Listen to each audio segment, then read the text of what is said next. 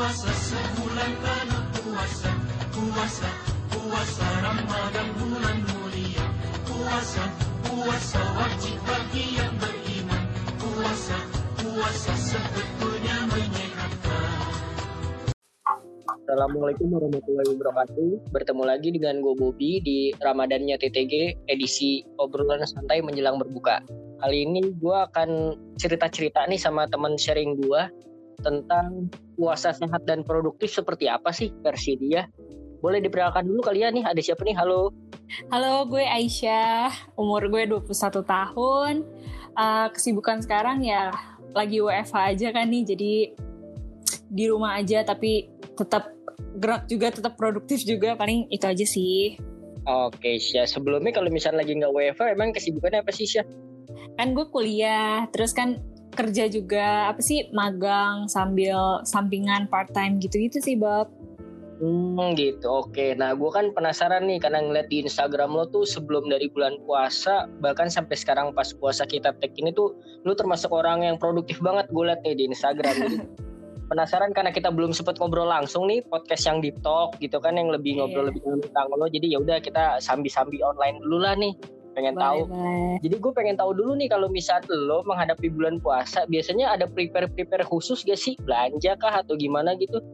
Kalau gue sih prepare-nya yang pasti dari uh, make sure sehatin badan dulu ya, tingkatin imunitas karena menurut gue itu paling penting. Jadi kayak niat, mental, fisik, batin itu harus siap dulu overallnya.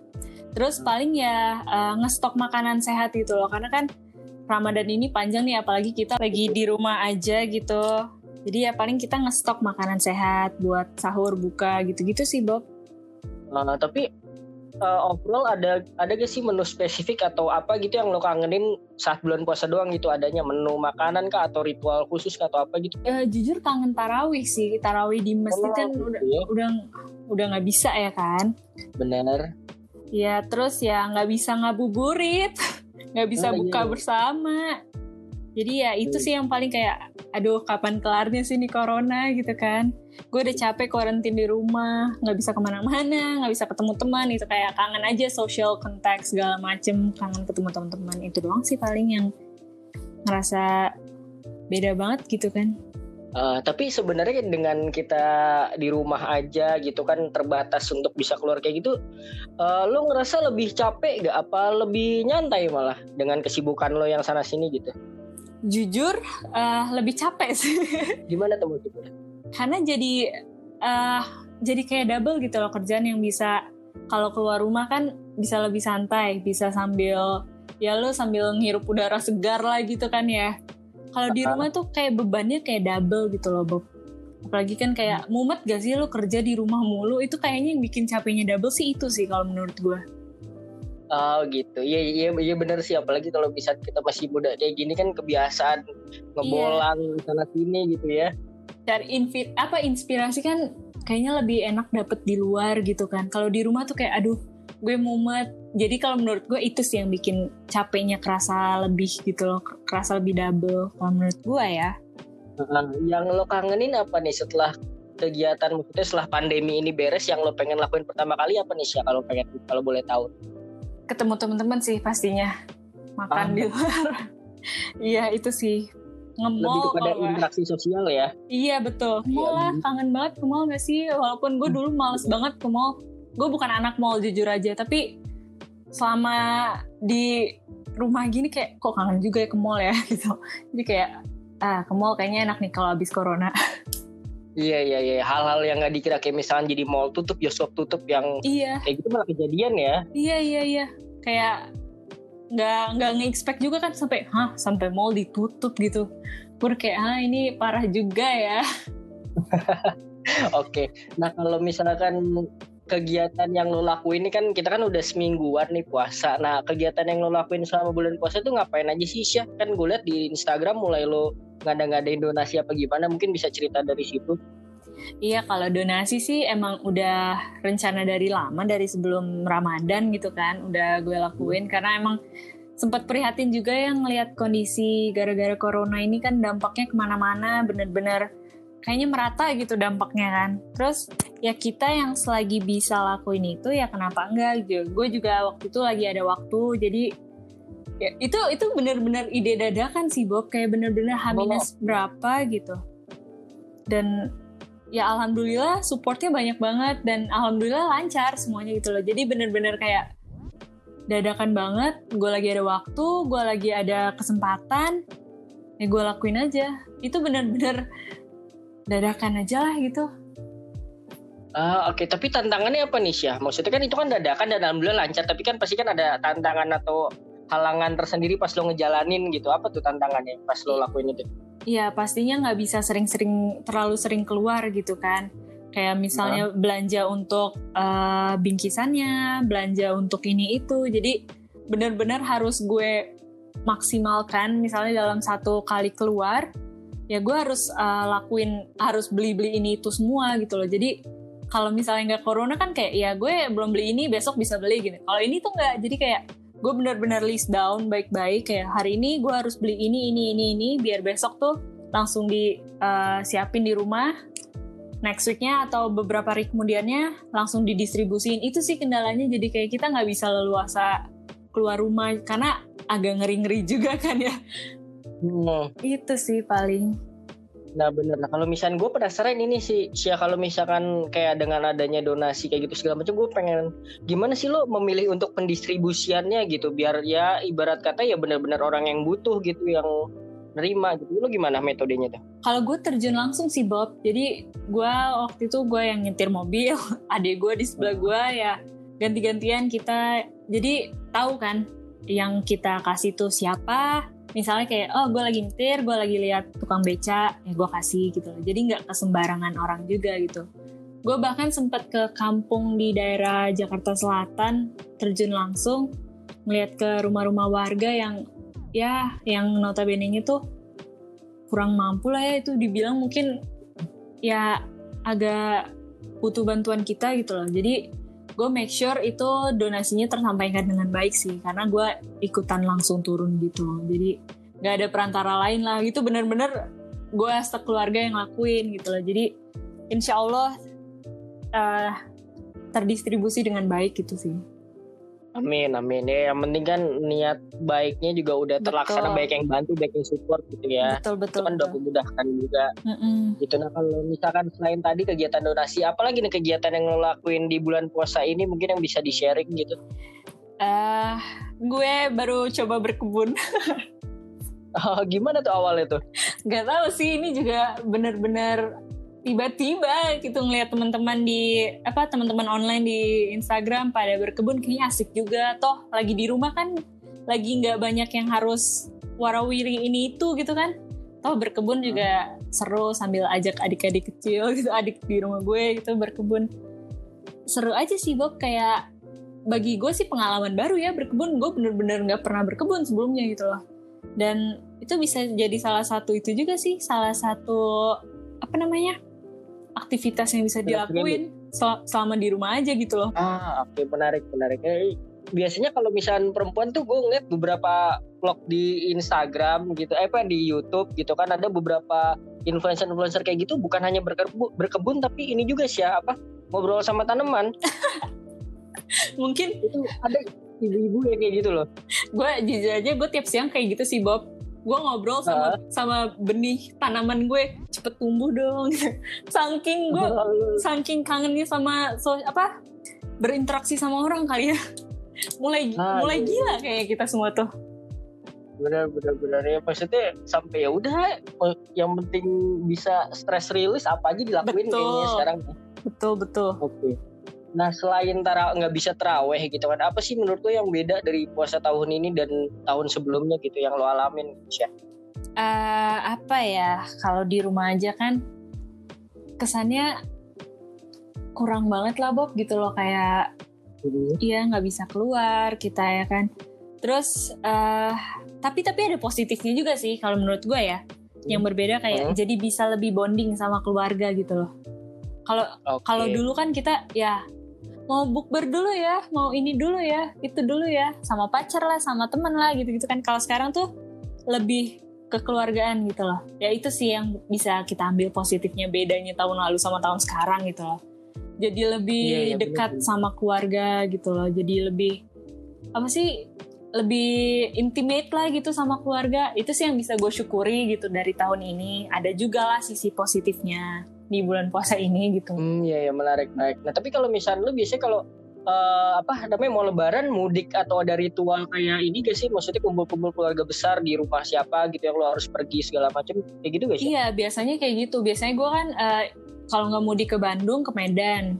Tadinya rencana juga gue mau ke Medan tahun ini, cuman ya nggak bisa. Eh, bandara dibatasin kan penerbangan segala macam. Jadi ya nggak dan nggak mau ambil resiko juga gitu loh Bob. Kayak buat apa kita memaksakan gitu kan? Jadi ya ya udah di rumah aja. Toh Ya, jadinya sama aja kan pesannya juga tersampaikan gitu kalau apa lebaran ya kan. benar-benar jadinya ya tahun ini sama keluarga inti aja gitu ya Iya. lebarannya ya. Iya iya.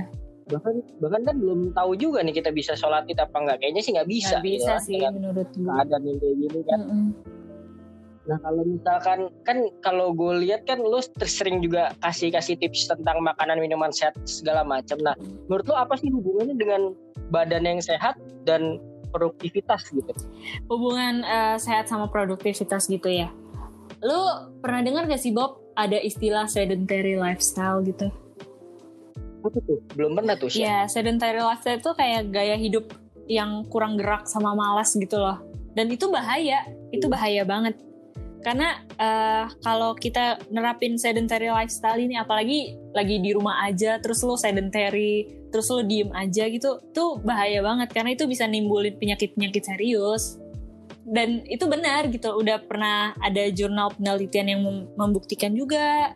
Terus eh, dari dari apa dari gaya hidup yang kurang gerak dan malas itu juga lo bisa ningkatin obesitas, diabetes, cancer, bahkan kematian dini lah. Apalagi kalau udah diem, malas, gak gerak, terus makan lo nggak benar, bisa bayangin kan di tubuh tuh gimana gitu.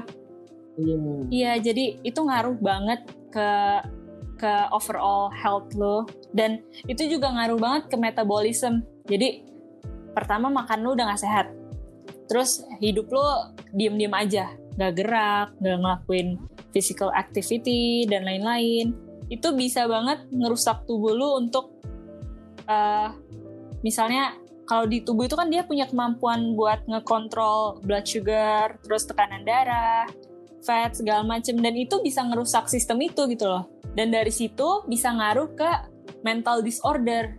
Makanya kita harus selalu produktif hidup sehat terapin pola hidup sehat terapin eh, apa namanya gaya hidup sehat itu tuh pentingnya itu karena itu semua tuh ber apa sih namanya berhubungan gitu loh Bob Mm-mm. Mm-mm. jadi itu sangat ngaruh ke overall well-being gitu makanya hidup sehat eh, hidup aktif, produktif itu tuh positif banget dan itu sangat ngaruh ke tubuh lo.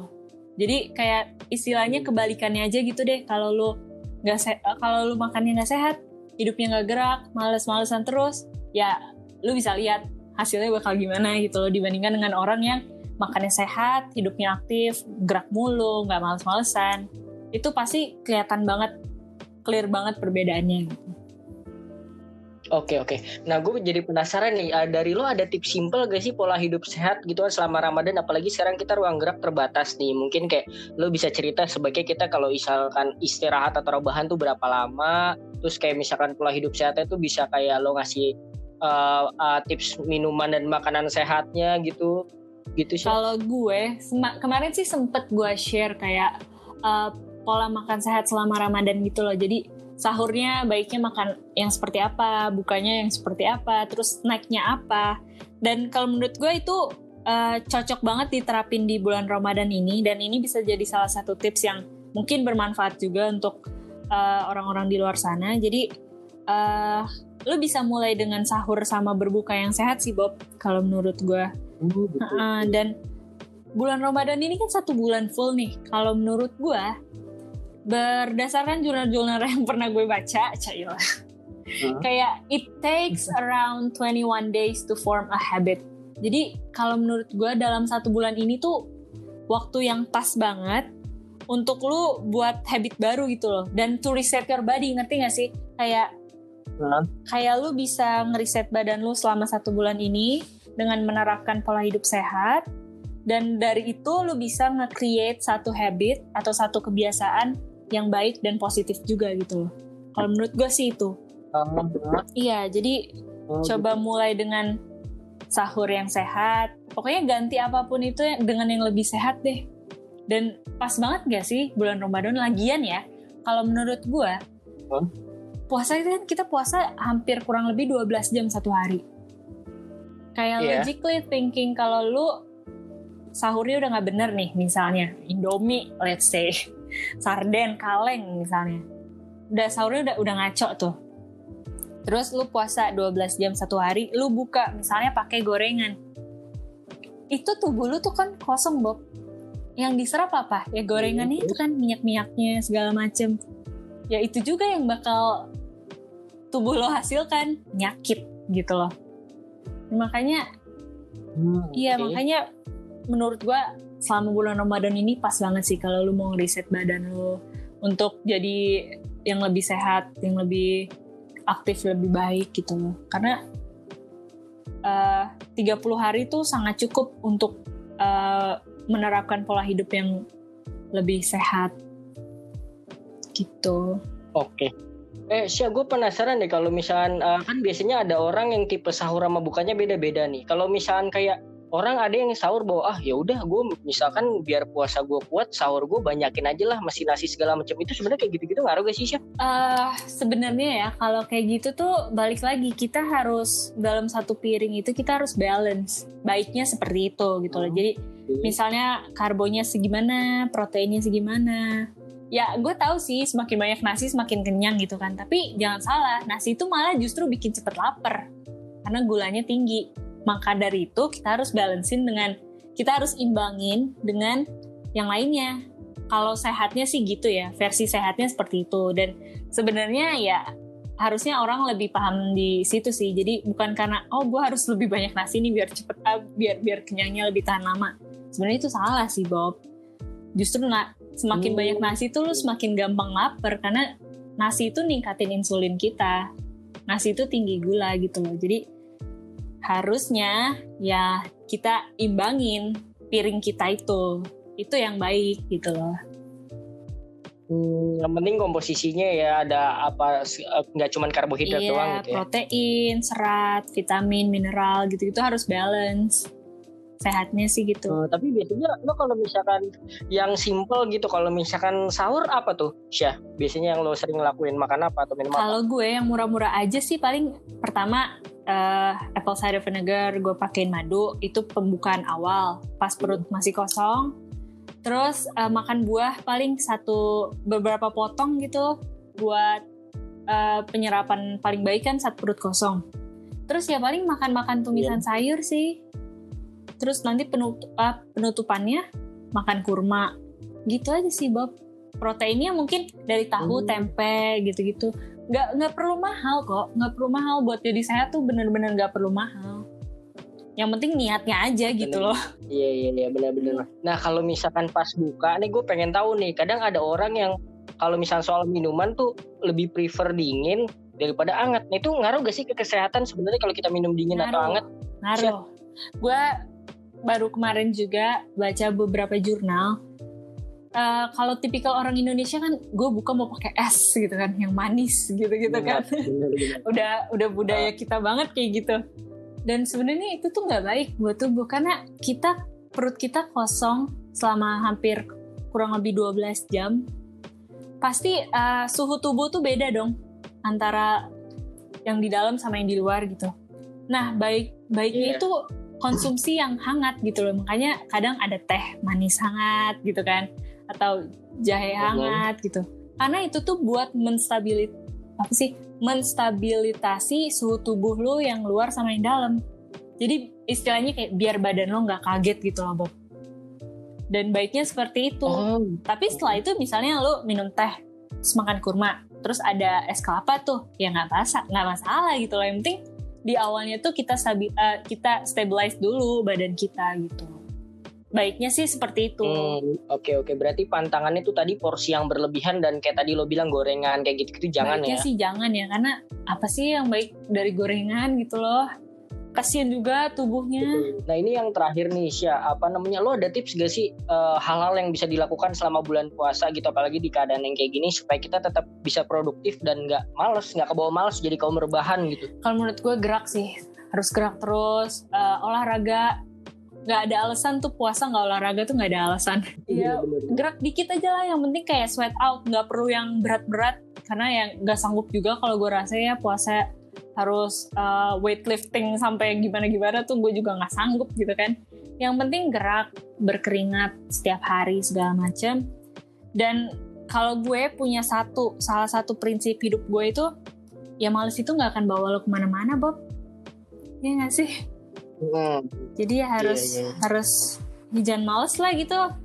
Males bener-bener nggak bawa lu ke mana-mana. Malah makin ke bawah malesnya malah makin waktu abis gitu Betul, aja gitu ya Sya. kayak ya wasting time banget gak sih? Nah, tapi lo eh, selain kayak misalnya tadi lo bilang olahraga, berkebun, ada lagi gak misalnya kayak baca buku atau mungkin gunain sosmed yang bijak gitu kan? Kadang-kadang kan kalau masa-masa kayak gini sering buka sosmed tapi jadinya toxic gitu. oh iya gue juga sering baca-baca buku atau jurnal-jurnal art- artikel tentang kesehatan gitu. Kadang kalau gue ada spare time dikit nih gue bener-bener cari kayak nggak gue nggak boleh buang-buang nih waktu buat hal-hal nggak jelas gitu. Kecuali kalau gue emang kayak pengen me time.